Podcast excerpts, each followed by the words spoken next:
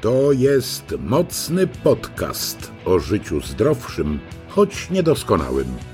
Program prowadzi Marek Molicki.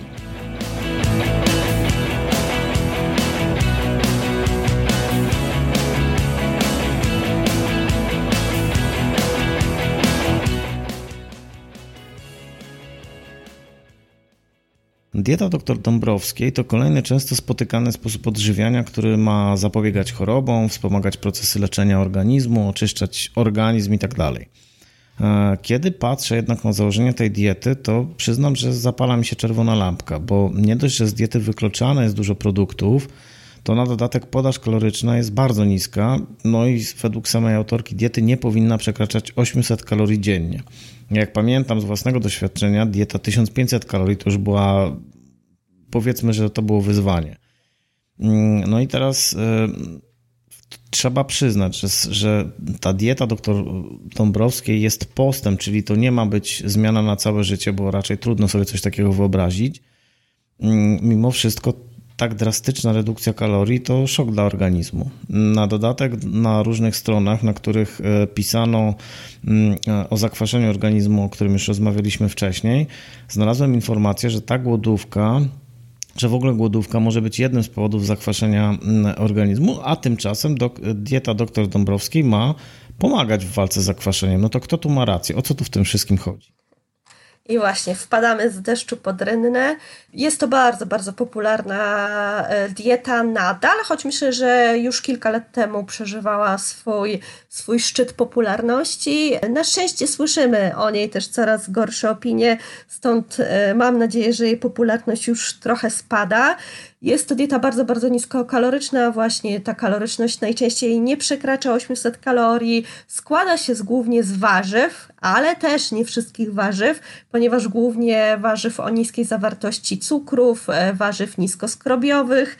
I o ile faktycznie wzbogacenie diety w takie warzywa, owoce ma masę benefitów, to jeśli trwa to kilka tygodni, to znowu zaczyna się to na organizm odbijać się negatywnie. Generalnie autor diety Dąbrowskiej, czyli właśnie doktor Dąbrowska, snuje taką, taką teorię, że toksyny właśnie produkty przemiany materii, które gromadzimy w naszym organizmie na poziomie genów naszych, hamują taką równowagę organizmu, hamują, blokują naszą homeostazę, równowagę organizmu, dlatego to pozbycie się toksyn z naszego organizmu ma nas uzdrowić i ma nam e, pomóc. Jednak tak naprawdę my toksyny, produkty przemiany materii gromadzimy głównie w naszej tkance tłuszczowej, i w ścianach komórek. Dlatego tak naprawdę, aby pozbyć się toksyn, które faktycznie naturalnie w naszym organizmie są magazynowane,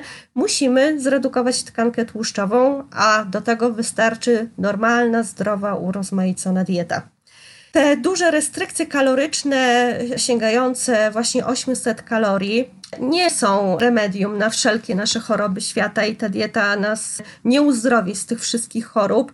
Poza tym Mamy wrażenie, że mm, tej diety dr Dąbrowskiej najczęściej łapią, tą dietę łapią osoby, które mają bardzo skrajne schematy żywieniowe, a mianowicie przez 10 miesięcy odżywiają się bardzo źle, bardzo nieregularnie, a potem wyjeżdżają na dwutygodniowy turnus, zostawiając tam miliony monet, jako takie usprawiedliwienie. A przecież byłem na turnusie odchudzającym, potem będę mógł sobie odbić, ale to niestety tak nie działa i bardzo szybko, zresztą statystyki takie są, że bardzo dużo osób doświadcza potem efektu jojo i to ma miejsce nie tylko na diecie dr Dąbrowskiej, ale na każdej diecie takiej bardzo niskoenergetycznej. E, dlaczego tak się dzieje?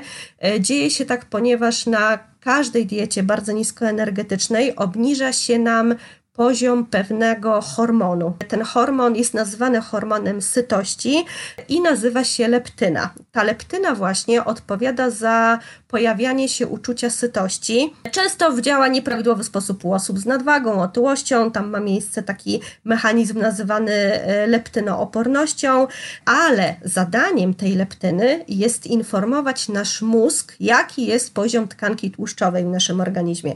Dlatego jeśli szybko redukujemy masę ciała, tak jak się dzieje chociażby na diecie dr Dąbrowskiej i poziom tkanki tłuszczowej jest redukowany bardzo, bardzo szybko.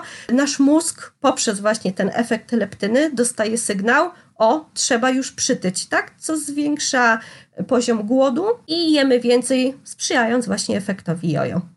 Mhm. No, widziałem dokładnie mm, jednego człowieka, pracowałem z takim, e, z takim człowiekiem, który właśnie przeszedł na tą e, dietę dr Dąbrowskiej. Faktycznie przez, trwało to 40 dni, czy jakoś tak. I on faktycznie przez te, przez te 40 dni schudł, no ale nie ma siły, żeby przy tak niskiej podaży kalorycznej nie schudnąć. Natomiast to, co stało się w następnych miesiącach, to nie dość, że wrócił do poprzedniej wagi, to jeszcze właściwie chyba przebił ją o kolejne 20 kg, więc przytył dramatycznie.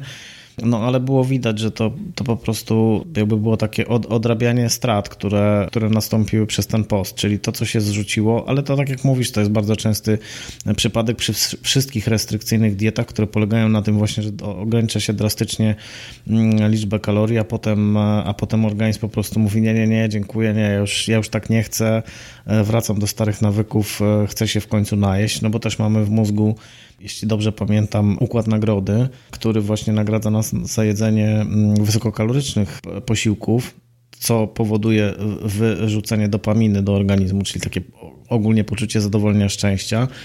No a jak tego długo nie mamy, to mózg w pewnym momencie zacznie się tego domagać. Tak, to jest dieta, dieta po prostu eliminacyjna, której nigdy nie będziemy stosować do końca życia, bo to jest absolutnie niemożliwe i nawet no. najtwardszy zawodnik pewnym momencie się złamie i zacznie tęsknić za grupami produktów, które do tej pory nie były w tej diecie. Co, co potem skutkuje mhm. właśnie tym efektem jojo. Na tym mechanizmie rozregulowuje się wiele procesów w naszym organizmie, rozregulowuje się gospodarka hormonalna, ponieważ nasza tkanka tłuszczowa jest nazywana już w medycynie dzisiaj narządem który wytwarza mhm. różne związki, cytokiny prozapalne, bierze udział właśnie w regulacji e, hormonów i takie fluktuacje wagi potem się odbijają negatywnie na wielu procesach. Ja przejrzałem w ogóle stronę e, dr Dąbrowskiej i znalazłem tam kilka info, takich powiedzmy interesujących informacji. Na przykład taką, wyjaśniającą, dlaczego podczas tego postu nie powinno się pić kawy. I tam jest napisane coś takiego. Nie poleca się picia kawy w trakcie postu z wielu względów, między innymi dlatego, że kofeina jest stresogenem. Nawet jedna filiżanka kawy zwiększa stężenie adrenaliny o 200%. To ciekawe kortyzolu o 30% może powodować pobudzenie, niepokój, arytmię, bóle głowy, nadciśnienie, problemy żołądkowe, a w efekcie może doprowadzić do tzw. Tak zespołu wypalenia, czyli uczucia osłabienia w wyniku nadmiernego wyczerpania nadnerczy. Kortyzol obniża neuroprzekaźnik GABA, co może powodować problemy ze snem. Kortyzon może też zaburzać hormony tarczycy. Co więcej, kawa ma właściwości zakwaszające, może wypłukiwać z moczem szereg minerałów, magnez, wapń, żelazo, cynk, potas. Kofeina zwiększa produkcję kwasu solnego, co mogłoby powodować niepożądane na poście uczucie głodu. No, no, chyba sam post powoduje uczucie głodu. Kofeina wymaga wątrobowego odtrucia, które może trwać nawet do 12 godzin, co na poście utrudnia procesy detoksykacji. Jak to czytam, to mam to naprawdę włosy dębastają, bo ja nawet od kardiologa nie słyszałem o takich negatywnych, no na takim negatywnym wpływie kawy, czy właściwie kofeiny, która się w kawie znajduje. A co więcej, ostatnio słyszałem również o tym, że został obalony ten mit o tym, że mm, kawa jakoś dramatycznie wypłukuje organizm, y, y, z organizmu. O co w tym wszystkim chodzi? Tak, do, dokładnie. Dokładnie kawa wcale nie wypukuje magnezu z naszego organizmu w takim stopniu, jak kiedyś sądzono. E, poza tym e, warto pamiętać, że nasz organizm się adaptuje do pewnej ilości kofeina, mianowicie na przykład studenci, którzy zaczynają pić kawę w młodym wieku, faktycznie mogą obserwować lekkie podwyższenie ciśnienia krwi, to jest lekkie podwyższenie, to nie są duże, duże cyfry. Mm, odczuwają faktycznie takiego efektu diuretycznego, moczopędnego po wypiciu kofeiny. Natomiast my, kawosze, po wielu, wielu latach tego efektu już praktycznie nie odczuwamy.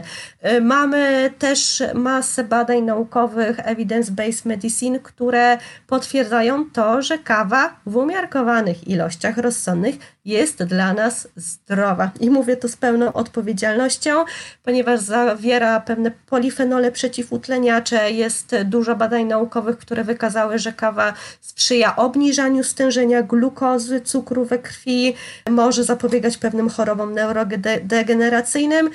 Ilość tylko ma znaczenie, bo jeśli wypijamy dwie, trzy filiżanki dobrej jakości kawy w ciągu dnia, to nie jest nic złego, ale osoby, które mi piją 7-10 kaw dziennie, już niestety tego pozytywnego efektu mogą nie doświadczyć. No właśnie. E, dalej czytałem, że dr Dąbrowska twierdzi w takiej sekcji pytań i odpowiedzi, że matka w czasie karmienia, matką w czasie karmienia nie zaleca się postu, ale jeśli dziecko oprócz pokarmu matki otrzymuje także inny pokarm, wtedy matka może robić krótkie posty. Co ty na to? Absolutnie nie. Okres e, karmienia piersią jest to okres szczególnego, szczególny w, w życiu i mamy, i, i maluszka, który mlekiem mamy jest karmiony i w tym okresie szczególnie warto zwrócić uwagę o dobrze zbilansowaną dietę, ponieważ to, co je mama, ma bezpośredni wpływ na to, na to jak, jak funkcjonuje maluch i jest to na pewno grupa, grupa populacyjna, która absolutnie powinna być z takiej diety wyłączona. Mhm. Znalazłem kolejną informację. Doktor Dąbrowska nie zaleca popijania posiłków 30 minut przed i 30 minut po posiłku. Natomiast ja słyszałem, że owszem, takie zalecenia dotyczą e, herbaty, która, której składniki mogą o pewne inne składniki konkurować z pożywieniem, ale czy to też dotyczy wody? Czy to jest faktycznie tak, że te 30 minut trzeba zachować przerwę między posiłkiem a wypiciem czegokolwiek? Nie, wcale, wcale nie. Ja moim pacjentom w okolicach posiłku spokojnie pozwalam na wypicie około szklanki płynów, faktycznie bardzo duże ilości płynów, pite około posiłkowo, ale to są naprawdę duże, musiały być duże ilości, powyżej dwóch, trzech szklanek. One mogą trochę rozrzedzać soki trawienne e, w żołądku i przez to pokarm się może wchłaniać troszkę mniej efektywnie, ale rozsądne ilości około szklanki, około posiłkowo są jak najbardziej bezpieczne. Jeśli chodzi o konkurowanie, herbata mhm. faktycznie, teina obecna w herbacie może trochę zaburzać wchłanianie pewnych składników odżywczych, przede wszystkim żelaza, ale z drugiej strony dieta dr Dąbrowskiej jest dość uboga w żelazo, więc ten efekt jak najbardziej nie powinien zaistnieć. Ale już moi pacjenci, którzy mają tendencję do anemii, niedoboru żelaza, e, muszą na tą herbatę właśnie w okolicach posiłku e, uważać, bo z tym żelazem jest tak, że możemy go ileś tam z diety zjeść i zjeść bardzo dużo, ale osłabić jego wchłanianie właśnie poprzez pewne, pewne nawyki. Wystarczy, że taki posiłek popijemy, popijemy większą ilością herbaty i to wchłanianie żelaza może być już osłabione o 50%. Mhm. E, idźmy dalej. E, ja cały czas po, posiłkuję się tym, co znalazłem na tej stronie. E, post warzywno-owocowy ma stosunkowo niewiele przeciwwskazań. Jednakże najważniejsze z nich to, i ten pierwszy punkt jest dla mnie najciekawszy. Trudny do opanowania lęk przed dietą. Stres z tym związany uniemożliwi ustrojowi pełne wykorzystanie własnych samouzdrawiających mechanizmów. No i dalej mamy ciążę i karmienie, okres dzieciństwa, u dziewcząt także dojrzewania, stosowanie leków immunopresyjnych, hormonalnych, sterydowych, cytostatyków, choroba Addisona, ostra choroby wyniszczające, choroby związane z przyspieszonym metabolizmem, jak na czynność tarczycy, po transplantacji narządów, ciężkie depresje. Dla mnie już ten pierwszy jak wspomniałem, brzmi no ale może ja się mylę, bo może faktycznie jest coś takiego jak lęk przed dietą i może być przeciwwskazaniem. No ale z drugiej strony wyobrażam sobie, że wielu potencjalnie otyłych pacjentów może dojść do wniosku, że oni też odczuwają lęk przed dietą i właściwie ten lęk uniemożliwia przejście na jakąkolwiek dietę. Te lęki przed dietą różną, e, różną dietą e, jest często obserwowany, ponieważ po prostu te diety nam się kojarzą bardzo źle i z wieloma ograniczeniami. Każdy z nas ma pewne obawy co do zmian i to, to są zmiany dotyczące różnych sfer nas, naszego życia, ale dlaczego nie podejmować próby walki o zdrowie? No właśnie, takie pytanie retoryczne. E, ja bym do tej listy przeciwwskazań dodała jeszcze wiele, wiele innych mhm. rzeczy i pacjentom, wielu pacjentom bym jej nie rekomendowała. Z jednej strony czytamy na stronie autora tej diety, że ona pomaga uregulować gospodarkę glukozowo-insulinową, że na cukrzycę jest super, ale no właśnie, ja bym w tym założeniu była bardzo, bardzo ostrożna, ponieważ jeśli mój pacjent doświadcza stanów hipoglikemii, czyli niedocukrzeń, no to na takiej diecie ten efekt może być jeszcze bardziej spotęgowany. Dużo osób w dzisiejszych czasach e, doświadcza nieprawidłowej pracy przewodu pokarmowego. Ma tendencję też do biegunek, nie tylko do zaparć, a taka duża ilość surowizny w diecie jaka ma miejsce w diecie dr Dąbrowskiej, może te objawy biegunki jeszcze nasilać, więc tu jest wiele, wiele, warto zwrócić uwagę, e, dlatego wiele osób też porzuca tą dietę po, po kilku dniach, bo odczuwa złe sygnały płynące ze strony organizmu. Ja w ogóle słyszałem o, o czymś takim, tego akurat nie znalazłem na stronie dr e, Dąbrowskiej, ale słyszałem o czymś takim, że te symptomy, o których mówisz, na przykład właśnie mm, e, biegunka, ale, ale nie tylko też takie uczucie osłabienia, ból głowy nawet, to e, nazywane jest e, procesem ozdrowieńczym czy czymś takim, takim adaptacyjnym, że to po prostu jest jakby normalna sprawa, że właśnie organizm zaczyna się jakby odtruwać. Normalna i, i zdrowa według właśnie autora tej, e, tej diety, bo to jest, to, to jest, to jest tym skutkiem właśnie oczyszczenia, te bóle głowy, biegunki, jakieś zaropiałe oczy, nieprzyjemny zapach ciała. To są właśnie te, te skutki właśnie tego ozdrowienia. To nie jest nic absolutnie dobrego i na pewno nie, byś, nie powinniśmy takich przykrych objawów doświadczyć.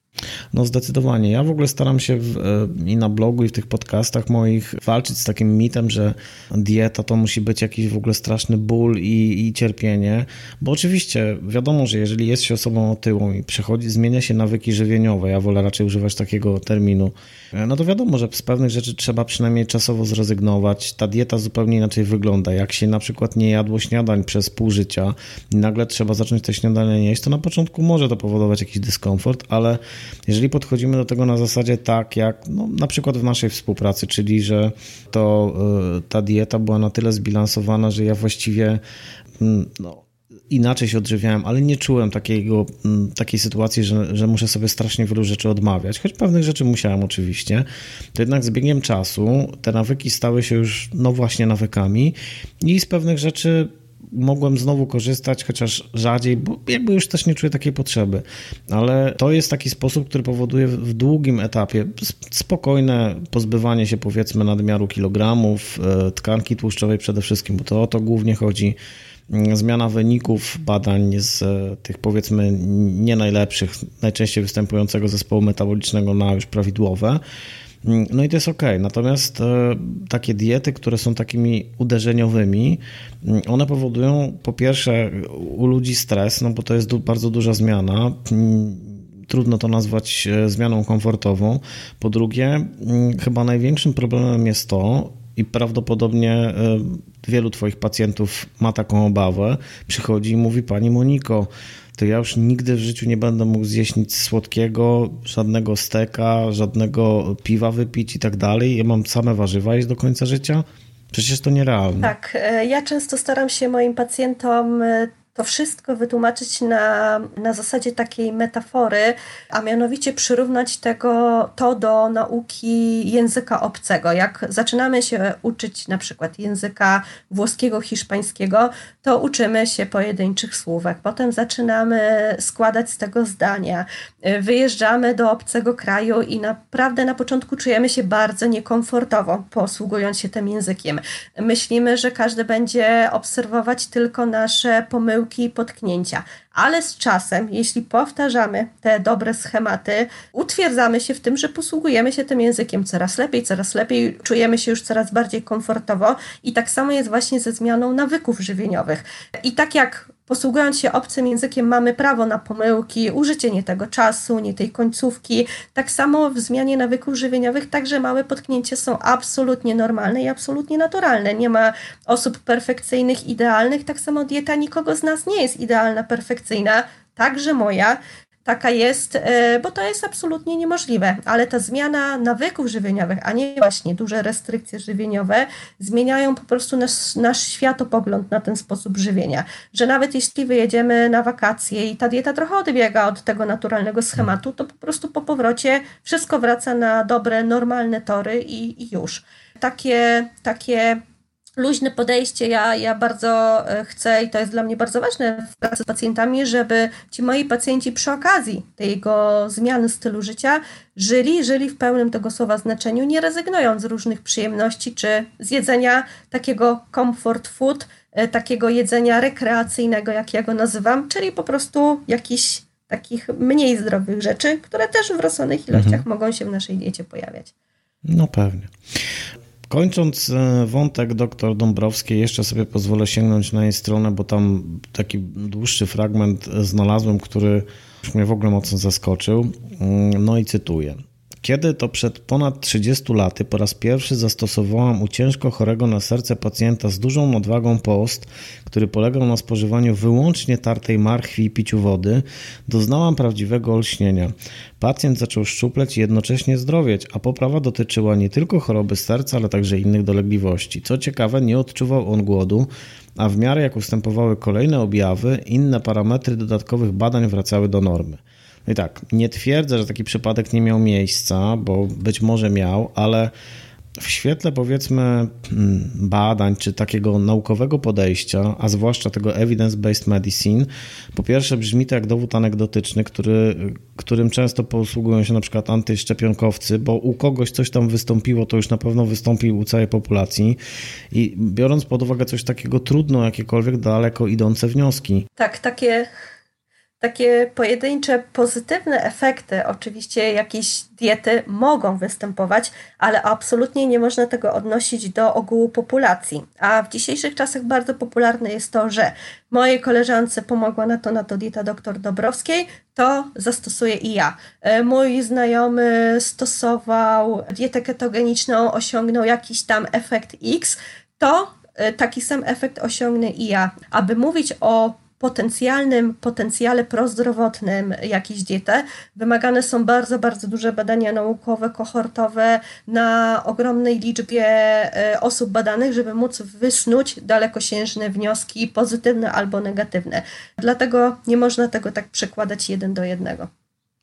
No i tu właśnie doktor Dąbrowska dalej pisze o tym, e, jakby świadoma, że na jednym przypadku trudno cokolwiek budować, pisze, że późniejsze doświadczenia uzyskane na podstawie obserwacji wielu pacjentów stosujących systematyczne posty, jak również w oparciu o dostępną na tamten czas literaturę, pozwoliły mi utwierdzić się w przekonaniu, że rzeczywiście te fenomenalne zdolności organizmu wiążą się z procesami autofagii, które, które post aktywuje i znacznie przyspiesza. No i ona dalej pisze, że w procesie odżywiania wewnętrznego, czyli właśnie autofagii, następuje zmiana zwyrodniałych elementów komórek na glukozę, niezbędną dla funkcjonowania mózgu i serca, której dowóz w czasie postu jest znikomy. Jednocześnie te chore i zniszczone struktury są odzyskiwane w procesie recyklingu i służą do odbudowy nowych i zdrowych komórek, co wykazał w swoich badaniach nad autofagią laureat Nagrody Nobla, Japończyk profesor Yoshori Oshumi, jeśli dobrze czytam nazwisko. Wartość lecznicza postu wiąże się również z aktywacją wewnątrzkomórkowych sirtuin, niedawno odkrytych białek odpowiedzialnych za długowieczność. Mają one zdolność naprawy materiału genetycznego DNA.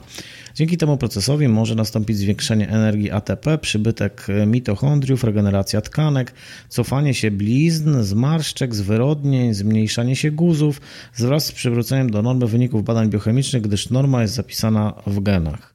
No to już teraz e, naprawdę po czymś takim. Gdybym się w ogóle niczym nie interesował tym zdrowym odżywianiem, przeczytałbym coś takiego doktor, kogoś, kto jest doktorem, pomyślałbym sobie, że taki sześciotygodniowy post może mnie właściwie wyleczyć ze wszystkiego, a kobiety y, powinny w ogóle zrezygnować ze wszystkich kremów, y, wizytu y, kosmetyczek i tak dalej, no bo skoro to nawet zmarszczki po poście znikają, to cud. Tak, cud to jest taki, to wszystko, co zostało zacytowane, to taki splot mądrych słów, skomplikowanych słów, na które łatwo, łatwo się nabrać. Odnośnie tego procesu autofagii i stosowania takich restrykcji kalorycznej, to kalorycznych to tak naprawdę w, wśród badań naukowych brakuje.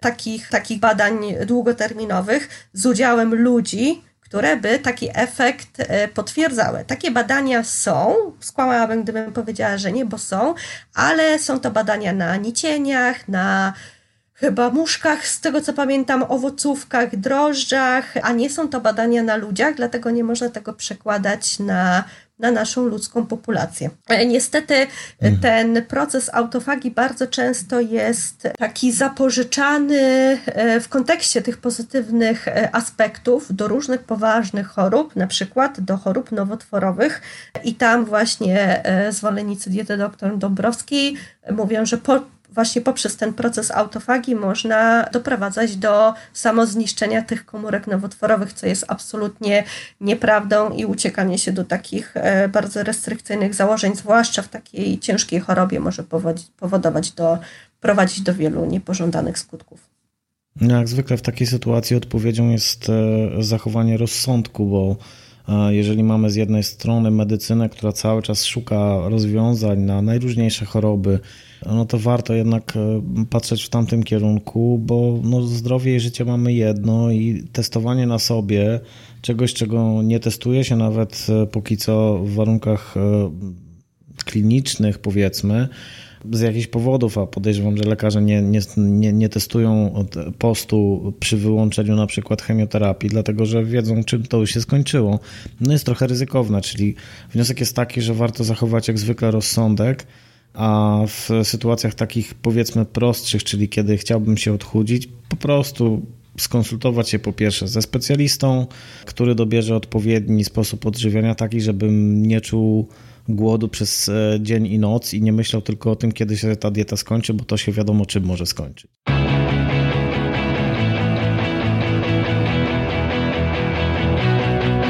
To był mocny podcast nie zapomnij odwiedzić bloga mocnymarek.pl. Do usłyszenia w następnym odcinku.